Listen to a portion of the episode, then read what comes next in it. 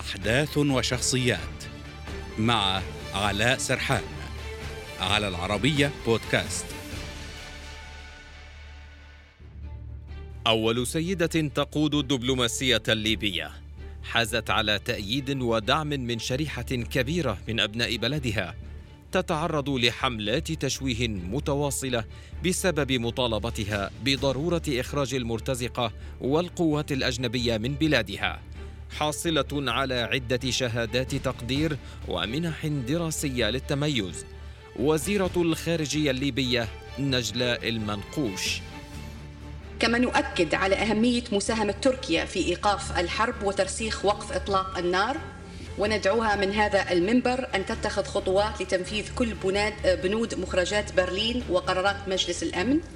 والتعاون معا فيما يتعلق بإنهاء تواجد آه، كل القوات الأجنبية والمرتزقة على الأراضي الليبية حفاظا على السيادة الليبيين. في العاشر من مارس 2021 منح مجلس النواب الليبي الثقة في التشكيلة الوزارية لحكومة الوحدة الوطنية برئاسة عبد الحميد دبيبة لتدخل نجلاء المنقوش تاريخ بلادها في هذا اليوم كأول وزيرة للخارجية في ليبيا منذ استقلالها عام 51 أثارت المنقوش حفيظة تركيا ومؤيديها في ليبيا بعد أن دعت إلى سحب كل القوات الأجنبية والمرتزقة من ليبيا خلال لقاء مع نظيرها التركي مولود شاوش أوغلو لتواجه بعدها المنقوش حملة شرسة من التشويه ومطالبات باستقالتها من قبل جماعة الإخوان الليبية وبعض الأصوات الأخرى التابعة للميليشيات حتى أن المفتي المعزول من البرلمان الليبي الصادق الغرياني قاد حملة ممنهجة ضد المنقوش متهما إياها بخدمة مشروع يسعى لاحتلال ليبيا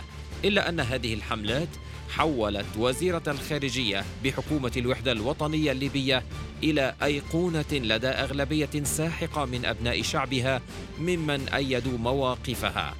كما أنها وجدت دعما خارجيا كبيرا حيث أكد السفير الأمريكي في ليبيا ريتشارد نورلاند أن بلادها تتفق معها وأن مطالبها بإخراج القوات الأجنبية من ليبيا تنسجم مع القرارات الأمنية ومواقف الدول العربية.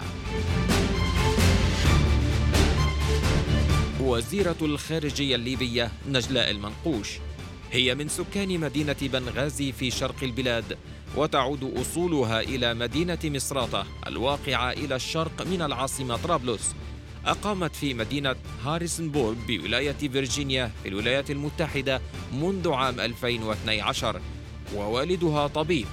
المنقوش أستاذة قانون ومحامية في القانون الجنائي كما تحمل درجة الدكتوراه في إدارة الصراع والسلم من جامعة جورج مايسون الأمريكية فيما أنهت دراسة الماجستير في جامعة إيسترن مينينايت الأمريكية في التخصص ذاته.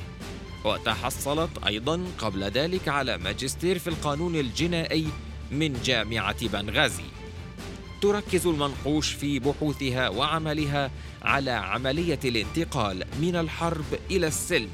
وجاء في سيرتها الذاتية أنها عملت ممثلة محلية لمعهد الولايات المتحدة للسلام في ليبيا كما عملت في المجلس الانتقالي الوطني إضافة لعملها في عدة دول عربية وأجنبية في مجال تدريب الكوادر ودراسة وتقييم المشاريع القانونية.